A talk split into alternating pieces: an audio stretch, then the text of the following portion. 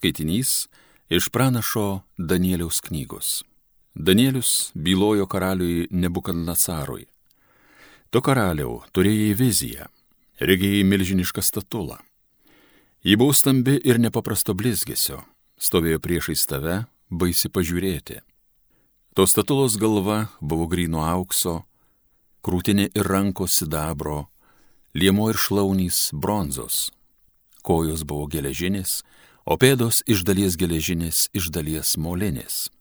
Regėjai, kaip be žmogaus rankų pagalbos akmuo atitrūko nuo kalno, atsitrenkė į geležinės molinės statulos pėdas ir jas sutraiškė. Tada geležis su moliu, bronza, sidabras ir auksas, kaip matyt dulkės pavirto ir tapo tartum pelai ant grandimo vasarą. Vėjas juos išnešiojo ir nei pėtsako jų nebeliko. O statula ištikęs akmuo pavirto į didelį kalną ir apėmė visą žemę.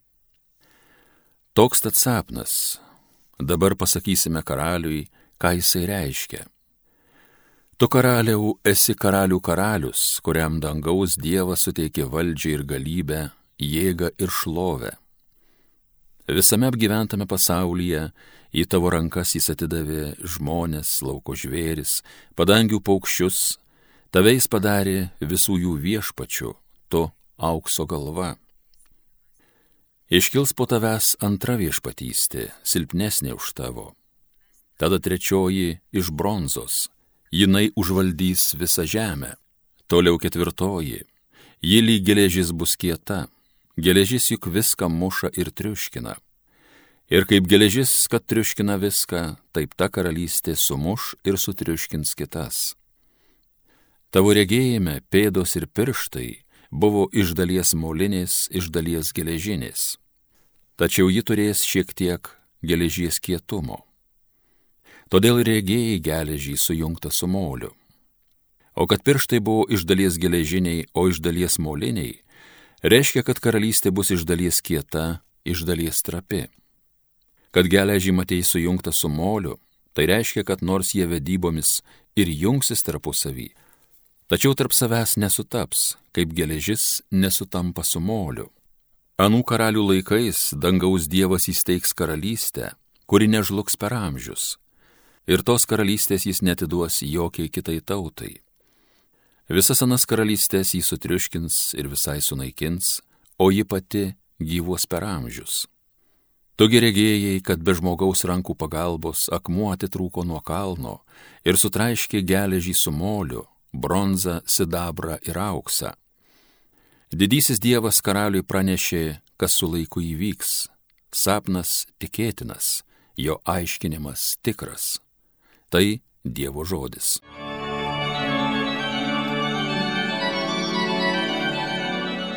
Garbinkit, aukštinkit jį per amžius. Šlovinkit viešpatį jo kūriniai. Garbinkit, aukštinkit jį per amžius. Šlovinkit viešpatį dangaus aukštieji. Garbinkit, aukštinkit jį per amžius. Šlovinkit viešpatį jo angelai. Garbinkit, aukštinkit jį per amžius Šlovinkit viešpatį vandens aukštybių, garbinkit aukštinkit jį per amžius, šlovinkit viešpatį dangaus kareivijos, garbinkit aukštinkit jį per amžius. Alleluja,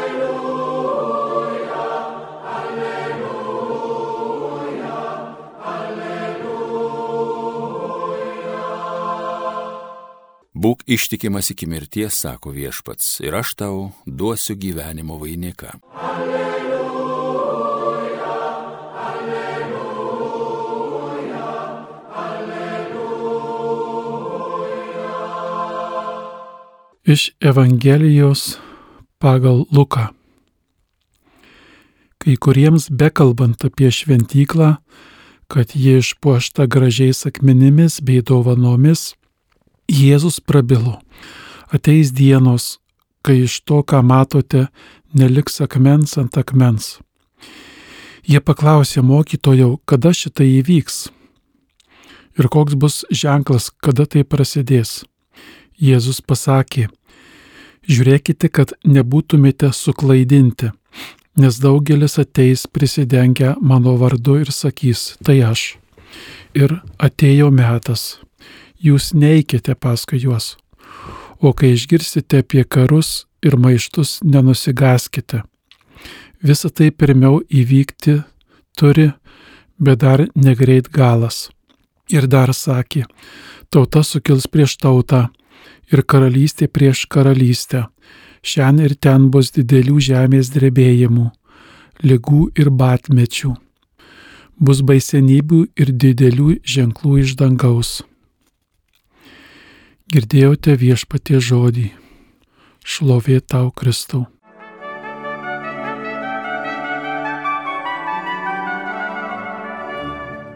Artėjant adventui ir pačio advento laiku mes tokių Evangelijos skaitinių atrasime, žodis bus ir jau buvo, būdėkite, taip pat skaitiniai ir Evangelija mums primin, primins, kad pasaulis turi savo pabaigą, šis sukurtas ir tikrai labai vaizdingai mums primins, kaip ir šios dienos Evangelija, kad, kad bus maištai, kad bus žemės drebėjimai ir taip toliau. Bet kaip visada Jėzus kalbėdamas naujieną arba kalbėdamas apie tiesą, kurioje mes esam, jis nenori mūsų tik išgazdinti arba jis nenori, kad mes gyventume nerimui ir, ir kiekvienoje Evangelijoje ir šių, šioje Evangelijoje ir viso advento laiku ieškokime vilties. Pirmiausia, viltis pats Jėzus yra, bet Ir jis kalbėdamas apie tuos atrodo baisius dalykus, jis pasako ir savo malonę. Visą tai matydami arba girdėdami jis sako, nenusigaskite. Tai yra Jėzaus žodžiai, nenusigaskite, jis sako, nebijokite.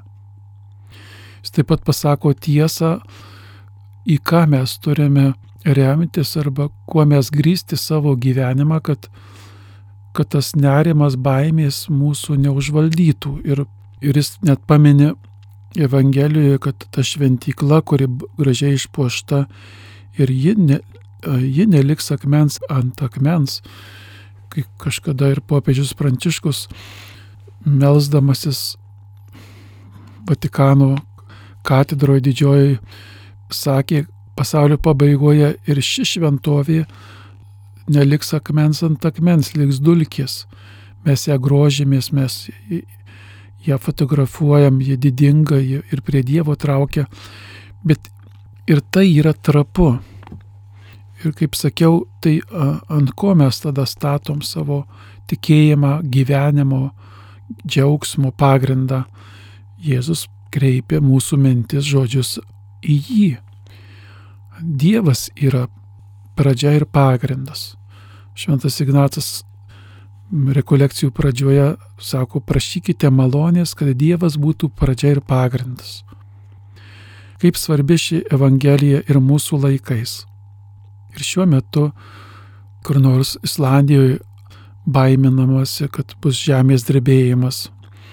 Ir šiuo metu, ačiū Dievui, tos kelios dienos paliaubų Izraelio ir Palestinos konfliktas, kur žmonės žiaurų žūsta. Nesibaigęs karas Ukrainoje arba dar kur kitur, kur, kur mes ne viską sužinome žiniasklaidos karai ir maištai. Ir tai mus, mus tikrai gazdina. Net ir Lietuvoje pradedama svarstyti, kad jei mus užpultų kas nors, neapsigintum ir taip toliau, visi tie dalykai kelia nerimą ar baimę. Jėzus sako, nenusigaskite pasaulis yra trapus. Tačiau jis nėra Dievo apleistas. Dievas nepleidžia žmogaus, Dievas nepleidžia tavęs ir manęs, nenusigaskime. Tokia yra Jėzaus žinia. Artėjant vėl advento laiko ir kalėdoms, mums proga atsigręžti į save ir klausti, ant ko aš statau savo kaip minėjau, gyvenimo ir tikėjimo pagrindą. Kai girdžiu lyga žemės drebėjimus, badmečius, baisenybės, ant ko aš statau savo gyvenimo ir tikėjimo pagrindą, kad nenusigaščiau, kad neįsigaščiau. Pažinti toliau galybių Dievą, pažinti Jėzų, kuris atėjo į žemę žmogumi.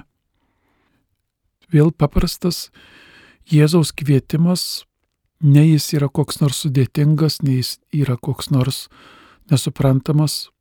Kalbėkis su Dievu, kuris tapo žmogumi, atėjo į šitą trapę žemę, atėjo į mūsų mirtingą pasaulį Dievas ir žmogus Jėzus. Jis pats matė įvairius įvykius augdamas, pats mirė ant kryžiaus, bet jis yra tas pradžia ir pagrindas, kuris duoda gyvenimo viltį, kuris duoda kasdien jėgų iš naujo keliauti, negyventi vien praradimų, baimės mintimis. Kiekviena karta ir aš prisimenu savo tėtį, sakydavo, pasaulyje taip vis neramu, kažkur šaudosi, kažkur žemės drebėjimai, potviniai, kažkur badmečiai. Visais laikais kai kuriuose žemės vietose buvo tarsi pasaulio pabaigos ženklai. Yra toks trapus pasaulis dėl, dėl to paties žmogaus veiklos klimato kaita, kuri atneša daug stikinių nelaimių. Nėra gerai, kad žmogus nemoka branginti gamtą, bet galų galiausiai ir, ir patys mes, ką nors naikinę, neturim pasiduoti kalties jausmui ar nevilčiai, kad, kad jau Dievas nusigrėžė nuo mūsų ar Dievas netleis. Labai linkiu jums visiems ir savo ir šios dienos Evangelijoje šalia tų žodžių pasakytų, kurie tikrai skamba taip nejaukiai žemės drebėjimas, maištas, tauta sukils prieš tautą, kad ir dabar slavų pasaulyje. Slavai prieš slavus kariauja, baisu yra, skaudu yra. Tačiau te būna tas žodis Jėzaus nenusigaskite. Visą tai vyksta, nenusigaskite. Dievas yra tas, kuris žmogaus nepalieka. Jėzau padėk mums artėjant tavo gimtadienio paminėjimui iš naujo svarstyti, kalbėti su tavim, pažinti tave, Dievą ar žmogų. Tas, kuris tu esi amžinas, turi amžino gyvenimo žodžius. Ir šių dienų pasaulyje, kuriame gyvename, ten neišgazdina įvykiai, siaubingi įvykiai, kur žmogus žūsta. Padėk mylėti, nenustoti. Amen.